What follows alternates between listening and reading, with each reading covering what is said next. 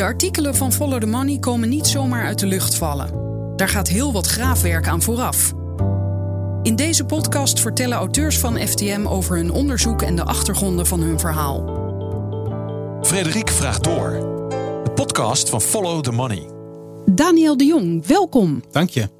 Geen familie. Geen familie. Nee, mijn eh, achternaam speel je met een H erachter nog. Ja, dat is een beetje de chique tak, De denk chique ik. tak, laten we het daarop houden. Ja, we zien elkaar ook voor het eerst. Gelukkig wel in een studio met alle maatregelen van dien natuurlijk. Mhm. Maar wel live bij elkaar, dat praat wel zo makkelijk. Ja. Jij schrijft al sinds twee jaar voor Follow the Money over een onderwerp waar nog nooit een journalist in Nederland over heeft geschreven. Terwijl het instituut waar je over schrijft al 60 jaar in Nederland zit. Hoe kan dat? Hoe kan dat? Nou, er is eigenlijk wel degelijk over geschreven. Ehm, de club waar het over gaat, die maakt dit spannend, merk ik. Eh, die is wel degelijk af en toe in het nieuws. Maar nooit op een kritische manier, laat ik het zo zeggen. Ja, want ik heb dit van jou dat je zei, ja, daar is nooit over geschreven. Nou ja, dan was ik vergeten te preciseren dat er wel degelijk over geschreven was. Maar, Nooit kritisch. maar nooit echt, nee, nooit echt kritisch. Ja, dat is het, dat is het vooral. Ik, ik denk dat ik de eerste ben die dat wel is gaan doen. En waarom is er nooit kritisch over geschreven? Want er was nooit wat aan de hand. Nou ja, dat weet ik eerlijk gezegd niet. Ik, ik, ehm, ja, ik weet het niet. Het is nooit op, op, op het pad van, van kritische journalisten gekomen, vermoed ik. Of ze hebben er geen tijd voor gehad. Of het, eh, ja, dat durf ik niet te zeggen. En hoe is het op jouw pad gekomen? Hoe is het op mijn pad gekomen? Ehm, ik werk samen met een eh, platform. Dat heet eh, Platform Authentieke Journalistiek. Dat is een eh, clubje journalisten. Wel bekend bij Follow the Money. ja, want die, doen onder andere ja. de Shell Papers, waar ik overigens ook aan meewerk. En die waren altijd al een keer van plan om deze club eens te, gaan onderzoeken. En, maar eigenlijk is het daarna op mijn bordje terechtgekomen. En eh, ja, ben ik het gaan doen. Dus eh, ja, Maar was je daar blij mee? was ik daar blij mee. Eh, op nou, mijn bordje, dat klinkt dan nou, een beetje... ja, dat klinkt misschien wat iets te negatief. Maar eh, nee, het was een mooie uitdaging, laat ik het zo zeggen. Ja, nee, ik had, er, ik had er wel zin in. Ja, Oké, en viel, er viel, eh, zonder meer wat over te schrijven. Dat had ik gelijk wel door. Ja, want over welke club hebben we het? we hebben het over de American Chamber of Commerce, afgekort AmCham. De Amerikaanse Kamer van Koophandel. Ja, dat, dat is hoe, eh, hoe je het letterlijk zou vertalen, inderdaad. Maar de naam is een beetje misleidend. In die zin dat er in Nederland eigenlijk maar één Kamer van Koophandel is. En dat is de Kamer van Koophandel. Dit is een Kamer van Koophandel in de Anglo-Saxische term des woords. Het is eigenlijk gewoon een vereniging waar bedrijven zich vrijwillig bij aansluiten. eh, om gebruik te maken van het netwerk en de, en, de, en de overkoepelende belangenbehartiging. Zo moet je dat een beetje zien. Dus eh, waar je bij de echte Kamer van Koophandel in Nederland je verplicht moet inschrijven hè, om een onderneming te starten, is dat hier niet het geval. En, en AmCham, dat is dus ehm, die vertegenwoordigen een, een goed deel van het Amerikaanse bedrijfsleven. Het is een ledenorganisatie. Er zijn ongeveer, ja, ik weet niet het precieze aantal, maar ergens tussen de 350 en 400 leden hebben ze. Waarvan de helft Amerikaans, de andere helft is overigens gewoon Nederlands. Zolang je maar transatlantische betrekkingen hebt, dan kan je lid worden in feite. Maar als bedrijf of ook als privépersoon? Volgens mij zou het ook kunnen als privépersoon, maar die denk dat die op één hand te tellen zijn eigenlijk. Eh, maar het, het ledenbestand is best wel breed. Als je kijkt, het zijn niet alleen bedrijven, het zijn advocatenkantoren, het zijn eh, banken zitten ertussen. eh, de Big Four zitten ertussen, hè, de, de accountantsfirma's. En, en nog allerlei andere partijen ook. Nederlandse gemeentes zijn lid. Volgens mij zit het Mauritshuis ertussen. Ik heb het allemaal een keertje in kaart proberen te brengen. En eh, nou, het is een bondgezelschap. Ja. Maar eh MCM is eigenlijk gewoon de grootste lobbyclub, Amerikaanse lobbyclub ter wereld, zo zou je het wel kunnen noemen. MCM Nederland, dat staat niet op zichzelf. Er zijn wereldwijd, volgens mij op dit moment 118 MCM's. En die vallen allemaal weer onder de US Chamber of Commerce in Washington. Dat is weer de grootste lobbyorganisatie in de Verenigde Staten. Dus in Nederland is dit ook echt een van de meest prominente lobbyclubs. Dat, ehm, dat kunnen we wel zeggen. Ja. En waar lobbyen zij voor? Eh, een goed vestigingsklimaat, in, in- heel kort gezegd. Een beetje het hoofddoel is zoveel mogelijk Amerikaanse multinationals naar Nederland lokken of, of krijgen. Met het liefst ho- eh, regionale hoofdkantoren van grote multinationals. Het beste middel daarvoor in feite is een goed fiscaal vestigingsklimaat. Dat is waar, waar zij voor pleiten. En je zegt lokken, want is het, Nou ja, lokken. Ja. komen ze niet uit zichzelf? Eh, nou ja, Nederland is de afgelopen jaren al heel lang eigenlijk al eh, verwikkeld natuurlijk in een soort fiscale strijd met andere Europese landen. En dan moet je denken aan Ierland, Luxemburg, Verenigd Koninkrijk, maar ook Zwitserland, buiten de EU, maar toch. Die, eh, die eigenlijk hetzelfde doel nastreven. Dat is zoveel mogelijk multinationals naar zich, naar zich toe proberen te, te halen. En overigens, in die landen zitten ook MCM's. Dus Dus dat wordt daar ook gedaan dat wordt dan? daar ook gedaan, ja. Dus een van de dingen waar ik wel achter ben gekomen... is dat MCM in feite fungeert als een soort katalysator... in een fiscale red race naar de bodem.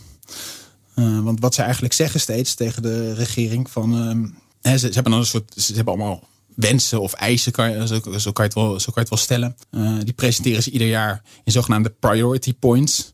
Dat wordt dan overhandigd op eh, kasteel de, de Wittenburg in Wassenaar... aan een staatssecretaris of een, of een minister. Is echt een soort wenslijstje van een pagina of acht. Van dit, dit moet er in Nederland gebeuren om fiscaal, om, eh, ja, fiscaal aantrekkelijk te blijven. Ehm, maar dat doen waarschijnlijk die, eh, die MCM's in Luxemburg en Ierland en, eh, en andere landen ook. Dat is eigenlijk wat, waar zij zich mee bezighouden. Ja, en zo heb jij ook jouw eh, eerste reeks artikelen opgebouwd. De eerste reeks ben je al twee jaar geleden begonnen. Ja. En eh, de tweede reeks, het eerste stuk daarvan, is eh, net gepubliceerd. Maar even over de afgelopen jaren. Eerst heb je gewoon neergezet van wat doet MCM? Ja, En jij zegt het is een race to the bottom. En ze lobbyen, ze willen ik zoveel loop een mogelijk. beetje op de zaken vooruit inderdaad. Het, is, het is denk ik wel goed om even te kijken hoe ze in elkaar zitten. MCM werkt aan de hand van comité's. Een belangrijk comité is het, Belastingcomité, het Tax Committee. Andere comité's zijn bijvoorbeeld het Pharmaceutical Committee, overigens recent hernoemd naar het Health Committee. Eh, en ze hebben nog een aantal andere comité's. Maar de meeste mensen die bij MCM betrokken zijn, dat zijn er een heleboel, die, die werken daar vrijwillig. Die, en die mensen uit die comité's die komen vier keer per jaar samen of zo. Los van alle feestjes en, en netwerkevenementen die MCM het hele jaar door organiseert. Als corona dat toestaat. Maar die vrijwilligers die, die werken allemaal bij bedrijven, Ja. bij die Ja, multinationals. precies. Ja, die, en die dus weer lid zijn van MCM. Zo moet je het zien. Ja, maar dat zijn dus ook die gemeentes en Nou nee, die, die zitten niet in de... Die zijn weliswaar lid. Maar die zijn eigenlijk alleen maar lid om gebruik te maken van het netwerk dat, dat MCM heeft. Dus op zo'n... Op, zo, op van die feestjes die zij dan organiseren, daar komen allerlei, nou ja, misschien corporate executives op af. En dan is het gewoon handig voor ambtenaren om daar ook naartoe te gaan. Om, eh, nou ja, om in, in gesprek te raken eigenlijk met die, eh, met die Amerikaanse multinationals. Ja. Eh, ja, je was gebleven bij die comité's. ja, dus dat, dat tekstcommittee, dat is wel, denk ik, echt het belangrijkste comité dat ze hebben. Daar zitten op dit moment volgens mij 41 belastingexperts in. En ja, die komen eigenlijk vier keer per jaar samen om te vergaderen over het eh, over fiscaal beleid in Nederland. Alle, alle wetten die betrekking hebben op eh, bedrijfsleven, op fiscaal gebied, daar, daar willen zij iets mee. Daar willen ze een liefst een vinger in de pap hebben. Het liefst zouden ze gewoon meeschrijven aan de wetten. En is dat wel eens gelukt? Nou ja, meeschrijven niet. Maar ze hebben wel degelijk eh, tal van zaken naar hun hand weten te zetten. Dat, dat zonder twijfel. Ja, en, en daar kloppen ze zich ook gewoon mee op de borst. Hè. Als je naar een website gaat, dan je maar eens kijken bij de, de History of Advocacy. Dat is gewoon een opsomming van lobby-successen. Ja, ik heb daar gekeken. De advocacy is dan belangenbehartiging. Ja. Dus oftewel lobbywerk. En dan hebben ze inderdaad een hele lijst. Mhm. Ja, Eh, is- verlaging van een bepaalde belasting zag ik. Ik ben even kwijt welke. Maar Ja, verschillende. Vennootschapsbelasting, dat is de winstbelasting. Dividendbelasting ook. Dat is al een lange tijd terug hoor. En die lijst is ook niet compleet. Maar eh, in feite laten ze daarmee zien: dit is wat wij kunnen, sluit je bij ons aan. Dus het is denk ik ook best wel een beetje ongebruikelijk om dit te zien van, eh, dat een lobbyclub dit zo laat zien, zo openlijk. Vaak Want ik wou net zeggen, nou tot zover eh, zijn ze dus heel transparant. Dus wat, wat is het probleem? Nou ja, wat is het probleem? Wat ik ben gaan onderzoeken is wat de invloed is van MCM op fiscaal beleid in Nederland. Je bent gewoon in algemeen zin nieuwsgierig naar hoe beleid tot stand komt. En daarom ben ik gaan wobben. Dat is wet openbaar bestuur. Dat is dat je interne documenten aanvraagt bij ministeries en, eh, en gemeentes. Nou ja, en, en waar zocht je toen op?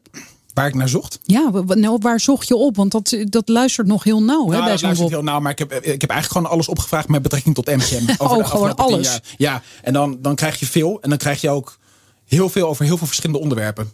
Dus het was een, was een enorme puzzel eigenlijk. Ehm, Maar je kreeg dus pakketten met nou papier ja, thuis. pakketten. Eh, ik, heb Of het allemaal, ik digitaal. heb het allemaal digitaal gekregen. Ik heb er lang op moeten wachten. Dat is ook de reden dat ik nu pas in staat ben om eh, met de tweede, tweede reeks van de serie te komen in feite. Maar ja, dan, ja zeker. Dan, dan eh, krijg je stapels, stapels digitaal papier. Zeker, ja.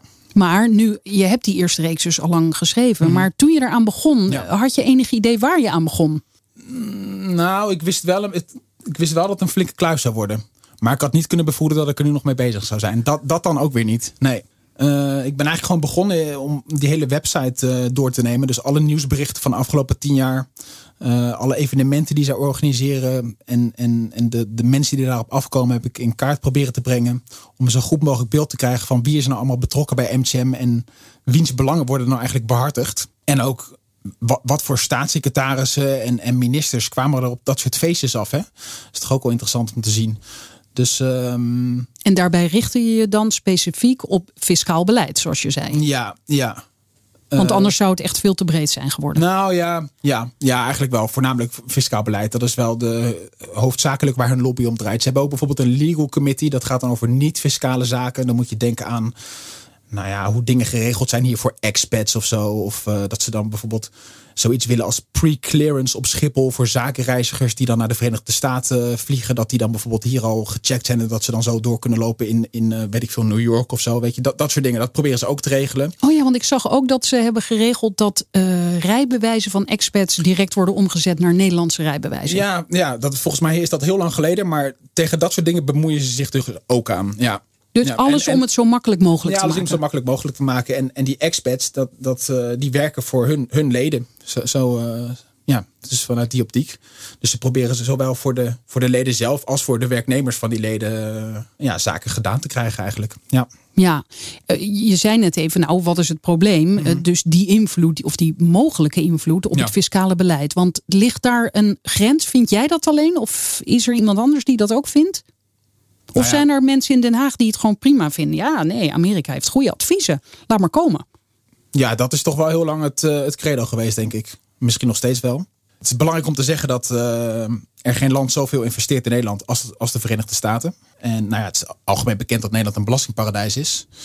En, uh, nou ja, dat is door de, de huidige nieuwe staatssecretaris. van Rij. Ja. Die ontkent dat. Ja, maar... maar... iedere staatssecretaris zal het ontkennen. Je zal geen staatssecretaris tegenkomen die zegt: hé, hey, we zijn een belastingparadijs. Uh, dat, dat moet haast wel. Um, maar goed, dat weten de Amerikaanse multinationals maar al te goed. Dat is ook waarom er zoveel hier zitten. En dat is ook waarom. Uh, Daarom vroeg ik even naar dat woord lokken. Want ik dacht, mm -hmm. moeten ze wel gelokt worden? Want het is hier zo gunstig dat iedereen wil hier wel zitten met zijn bedrijf. Ja, nou dat, dat was eerst niet zo natuurlijk.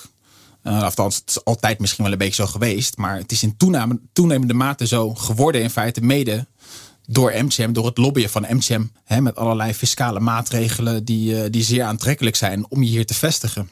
En waarom uh, de luisteraar zich dan zorgen zou kunnen maken, is uh, omdat die investeringen, dat klinkt heel mooi. Ja. Maar een groot deel daarvan, daar, daar, Dat- dat- krijgen- daar verdienen Dat- wij niks aan. Nee, maar dat vloeit ook zo weer het land uit. Nederland staat bekend als een doorstroomland of een doorsluisland. Hè, Nederland faciliteert eigenlijk het, het, het doorstromen van enorme eh, stromen aan royalties en dividenden en rente naar, nou ja, weet ik veel, Bermuda, de Cayman-eilanden, je kan ze allemaal opnoemen. En dat is natuurlijk zeer aantrekkelijk eh, om daar gebruik van te maken als, eh, als multinational. Dus simpel gezegd, eh, er zit al 60 jaar een club in Nederland, de AmCham, een lobbyclub, die bedrijven lokt. allemaal leuk en aardig, maar het levert veel te weinig voor ons op, want wij zijn een belastingparadijs. Nou, het levert wel degelijk ook iets op in de zin dat eh, er wordt absoluut werkgelegenheid gecreëerd door die Amerikaanse bedrijven. Hè, het is altijd een beetje, het gaat ook heel vaak over substance. Dat is reële economische activiteit. En dat hebben ze wel degelijk. Hè, er werken hier ongeveer iets van, ja, ik weet niet, volgens mij iets van 215.000 werknemers bij Amerikaanse eh, bedrijven. MGM overdrijft dat aantal graag. Ehm, Dat, dat heb jij in cijfers? nou ja, ze, ze, ze, ze, doen, ze, ze zeggen altijd 225.000 directe banen. Nog eens een keer 225.000 indirecte banen daarbij. Dus komen ze altijd op 450.000 banen in totaal uit. Uh, maar ik heb daar wel eens over gesproken met, een, uh, met Ton Wildhagen. Dat is een uh, hoogleraar arbeidsmarkt in Tilburg. En nou ja, die, die vond dat ook een soort propaganda. Dat kan, je, dat kan je niet zomaar doen. Je kan niet zomaar zeggen één baan is één indirecte baan. Zo werkt het gewoon niet.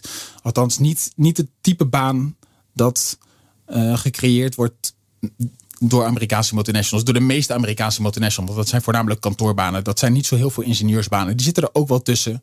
Maar dat is niet het merendeel. Dus Oké, ja. Ehm, je hebt nu een beetje verteld hoe ze te werk gaan en waarom. Ja. En wat hun doel is. Tot zover de handel en wandel van MCham. Het eerste artikel was een portret. En het tweede stuk ging over de toon waarop ze uh, lobbyen eigenlijk. Hè? Dat vond ik ook wel mooi. Uh, bij AmCham is het altijd 5 voor 12. Ja, dat stond bovenaan het artikel. Dat is een beetje de strategie die zij toepassen. En ze, hebben het eigenlijk heel erg goed voor elkaar. Heel veel dingen waarvoor zij hebben gelobbyd, die hebben ze gewoon gekregen. Maar het is nooit genoeg. Ze willen altijd meer. Dus hoe zorg je er dan voor dat je die, die laatste druppels uit de citroen ook nog krijgt? Dan, wat ze dan doen eigenlijk is uh, schreeuwen dat de nood aan de man is. Alsof het 5 voor 12 is. Als, als de overheid nu niet doet wat wij willen, dan ga, gaan jullie banen verloren.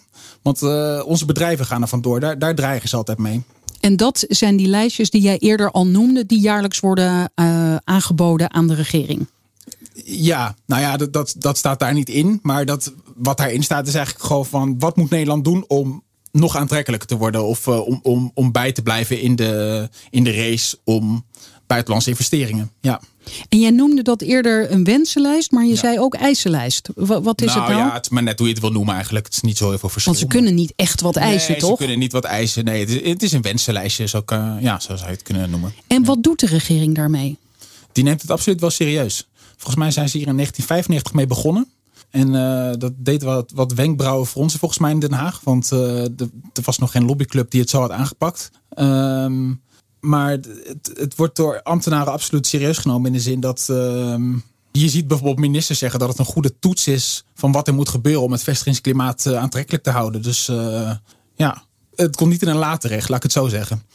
Nee. Dit brengt me opeens op de vraag: hoe doen andere Kamer van Koophandels, uh, CQ, lobbyclubs uit, ik zeg maar wat, China of Rusland dat dan? Ja, nou, ik heb geen vergelijkend waaronderzoek gedaan, dus ik kan, er, ik kan er geen uh, sluitend antwoord op geven. Maar ik denk dat er maar één, en in, zekere zin, die schrijven ook wel eens een brief. En die willen ook wel eens wat en die gaan ook wel eens het gesprek aan met, met deze of gene. Maar er is geen een van die, van die clubs die zozeer een lobbyclub is als MCM.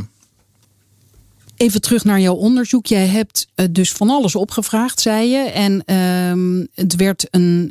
Jij zei ook tegen mij hoe ik het aan mijn vrienden uitleg: is uh, het is een puzzel van 10.000 stukjes. Mhm. Van wanneer tot wanneer loopt die periode van de ja, informatie die je had? 2011 tot halverwege 2019, zo'n beetje. Ja. Die eerste reeks heb ja. je geschreven op basis van openbare bronnen. Mm-hmm. Heb je ook mensen kunnen spreken van MCM? Um, ja, ik, ik kan in algemene zin wel zeggen van mensen van MCM willen eigenlijk gewoon niet spreken met je. Omdat ze, ze willen positieve publiciteit. Hè? Dus ze willen, ze willen hun, hun stokpaardjes afsteken in het FD of de Telegraaf. Maar ze, willen, ze spreken ook over het bevriende journaalje. Oh echt? Dus de meeste mensen willen niet spreken. Zeg, zeg maar, alles waar ik achter ben gekomen ten aanzien van MCM, nou, dat heb ik nou niet zozeer van hun. Of, nou, een, paar, een paar dingetjes, maar ja, dat. Wel eens off the record iemand. En uh, ik heb wel contact gehad met uh, de uitvoerend directeur ook. Maar veruit de meeste informatie die heb ik gewoon uit zowel openbare bronnen als, uh, als de WOP-documenten gehaald. Ja. Want daar komt meer uit. Daar komt meer uit, zeker. Daar zie je wat ze echt denken, doen, willen, voor elkaar krijgen.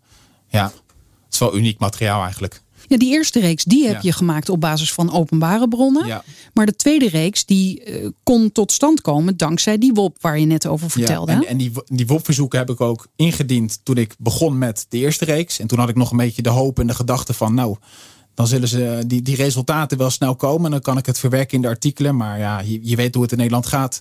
Het duurt heel erg lang voordat die WOP-verzoeken uh, ja, in, in behandeling worden genomen. En voordat je, voordat je er wat uitkrijgt.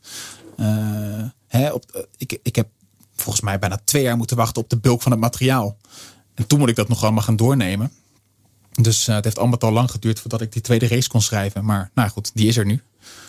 En toen die uh, WOPs binnenkwamen, of die mm-hmm. documenten, uh, zag je toen meteen, oh, nu weet ik wel veel meer dan uh, na mijn eerste reeks die ik baseerde op openbare bronnen.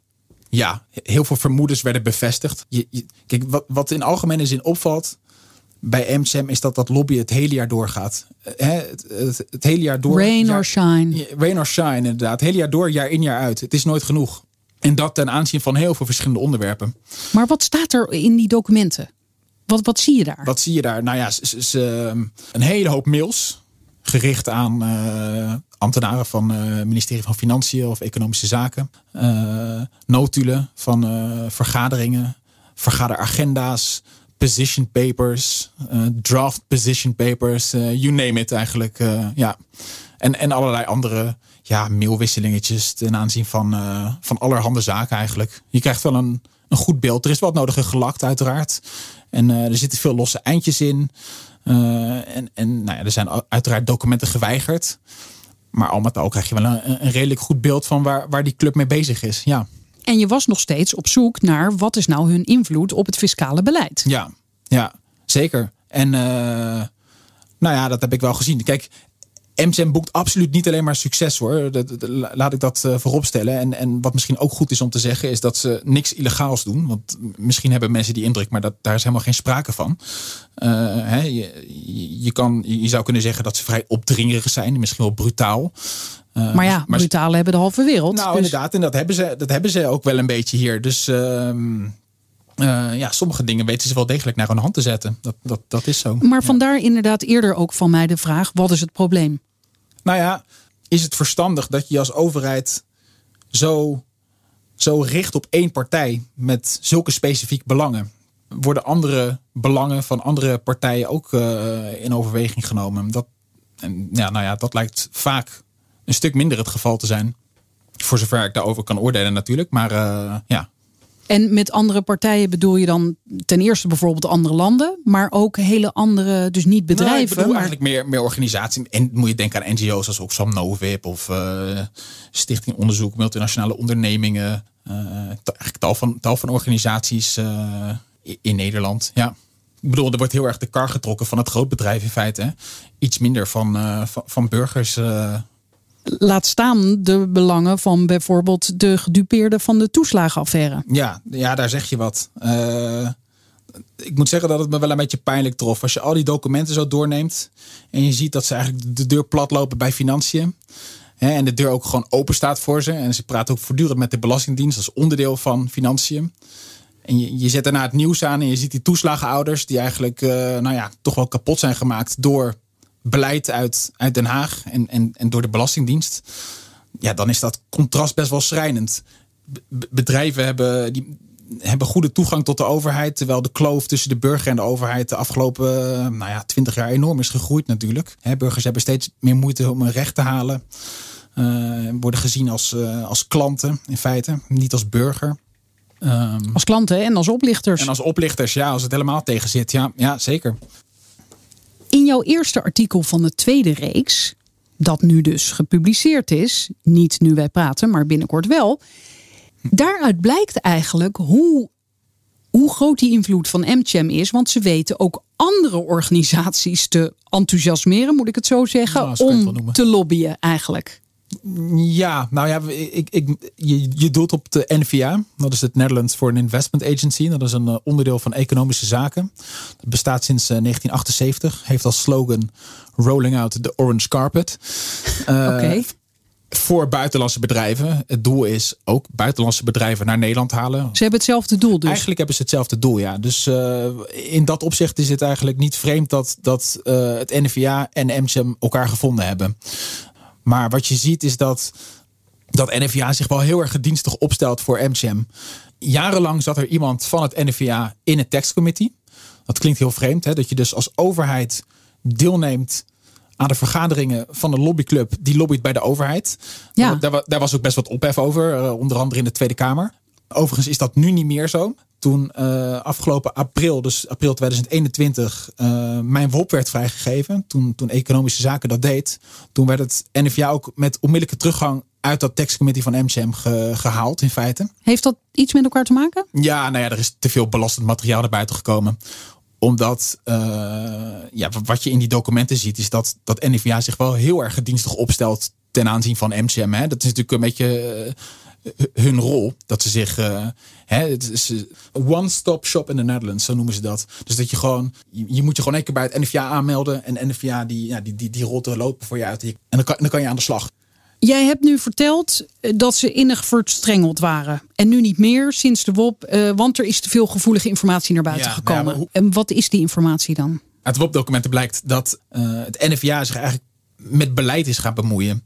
Hè, dus um, ze, hollen eigenlijk achter de, de lobby van MCM aan. Omdat het een goede manier is om bedrijven naar Nederland te lokken. Zo moet je het eigenlijk zien. Dat is heel verleidelijk om te doen. Ja, maar de, de, de- er is een beetje te weinig afstand tussen die partijen. Ja, Eh, via het NVA had MCM eigenlijk een soort voet, voet tussen de deur bij economische zaken. Eh, je ziet ook ergens dat ze dan zeggen dat, dat de NVA binnen economische zaken de honneurs waarneemt voor MCM. oh, Ja, omdat ze dan niet nog een keer de lobby die ze voeren bij financiën, dat ze dat er niet nog een keertje over hoeven te doen bij economische zaken. Dus eh, ze hebben gewoon ja, het NVA zover gekregen om, om om- Hun ja, werk te doen eigenlijk. Ja, in zekere zin. Ja, Hey, en voor het geval dat de mensen bijna afhaken omdat ze denken ik vind het te ingewikkeld. eh, een heel actueel voorbeeld is van een bedrijf dat hier naar, naartoe is eh, juichend binnen is gehaald. Is het datacenter in Zeewolde. Ja, van, van Meta. Van, dat, dat is Facebook. Dat is een voorbeeld van, eh, van een bedrijf dat het NVA hier naartoe heeft weten te halen, inderdaad. Ja. Ik weet niet, Facebook is volgens mij geen. eh, eh, ja, volgens mij is dat wel een, MC een MCM-lid. Volgens mij, mij wel. Ik weet niet helemaal zeker, maar. Ja, want het is, die leden die staan niet allemaal op de site, hè? Nee, niet meer. Nee, dat, is, dat houden ze geheim. Ook sinds jouw WOP? Of? Nou, daarvoor al. Er waren eens een keer vragen gesteld door, door Trouw in 2018. hey, een kritische journalist? Ja, ja klopt ja. ja Hey. was- toch? Ja. Ah, ja, ja. Eh, er was een klein, een klein stukje in de, in de krant. Trouw- ja, misschien is dat de enige uitzondering waar ik even overheen heb eh, gekeken. Er was een klein stukje in de krant in 2018. Dat ging over het feit dat dus gemeenten lid zijn van MCM. En dan heb je het over Amsterdam, eh, Utrecht. Utrecht is er uitgestapt uiteindelijk. Rotterdam, Den Haag. En waarom is Utrecht eruit gestapt? Nou ja, de, de, de, overal kwam het lidmaatschap ter sprake in de gemeenteraad. En toen is er overal gestemd. En de enige gemeente waarbij eh, de stem uitviel om eruit te, te, te stappen, dat was Utrecht. Met, volgens mij met één stem verschil maar. Had ook net zo goed anders kunnen uitvallen. Maar eh, ja. Ehm, En sindsdien, sinds dat stukje in trouw, Ja, zijn de precies. leden, eh, Ja. die staan niet meer op de site. nee. Maar die kan je ook niet opvragen van mag ik weten wie er lid Ja, is? ik heb dat wel gevraagd, maar dat, dat gaan ze niet doen. Dat, nee. nee. Dus ben maar jij ik- eigenlijk wel eens op een van die feestjes uitgenodigd? No way.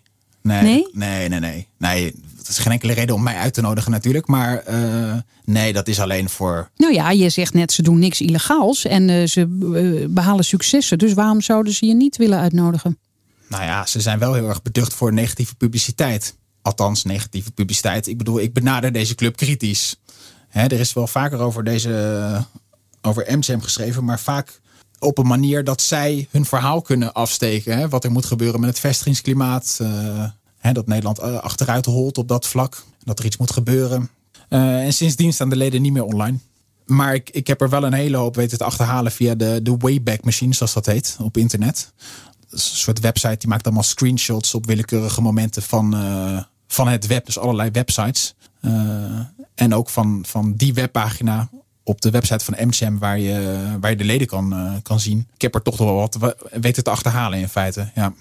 Verder niet hele verrassende naam hoor, maar het is wel goed om een overzicht te hebben van wie er allemaal in zit. Dus dat, eh, dat varieert van eh nou ja, ExxonMobil tot, eh, tot Microsoft en van Baker McKenzie tot ehm, eh, Coca-Cola. ja, Coca-Cola inderdaad, ja. Ja, Hey, en tot slot, er komen nog een paar artikelen aan. ja. Is dit een onuitputtelijke bron die je hebt? Nou, het is, het is wel een... eh, nou, zo kan je bijna wel noemen, ja. Er zit ontzettend veel in die WOP. Het is wel een schot in de roos. Want eh, de afgelopen jaren is er heel veel gebeurd op het gebied van eh, belastingwetgeving.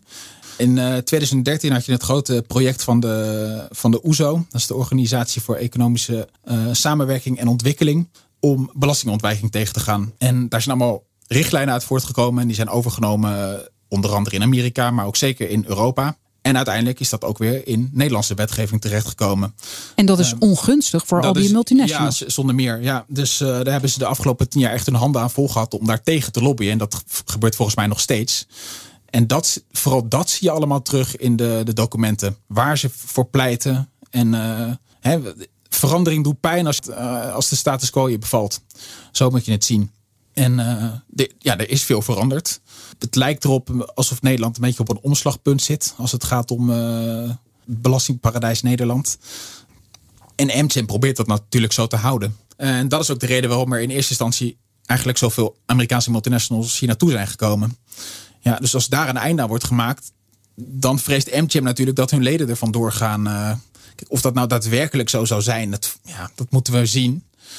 De, de, de noodscenario's die zij de overheid altijd voorhouden, die, nou, die zijn zelden echt bewaarheid geworden. Maar goed, we zullen zien. Jij hebt die artikelen allemaal al klaar. Ze worden over de komende weken verspreid gepubliceerd uh, bij FTM. Kan jij het dan afsluiten of laat dit jou nooit meer los? Nou, ik, ik, ik zeg niet dat, het, dat, dat hierbij de reeks per se ten einde is. Het uh, zou goed kunnen dat er op enig moment wel weer aanleiding is voor een nieuw artikel. Dat kan ik me heel goed voorstellen. Ja. Maar je hebt nog niet al die duizenden pagina's gelezen. Nou ja, dat, dat wel. Maar goed, uh, eh, MCM gaat hier niet weg. Die, uh, die lobbyen in principe vrolijk verder, toch? Dus, uh, dus dan schrijf jij vrolijk verder? Nou ja, mogelijk. Ik hoop me nu toch wel eventjes op iets anders te kunnen gaan richten eigenlijk. Maar we zullen zien over enige tijd. Dankjewel. Nou, graag gedaan. Het graafwerk van Follow the Money wordt mogelijk gemaakt door leden, niet door adverteerders. Ook lid worden? Ga naar ftm.nl. Dankjewel.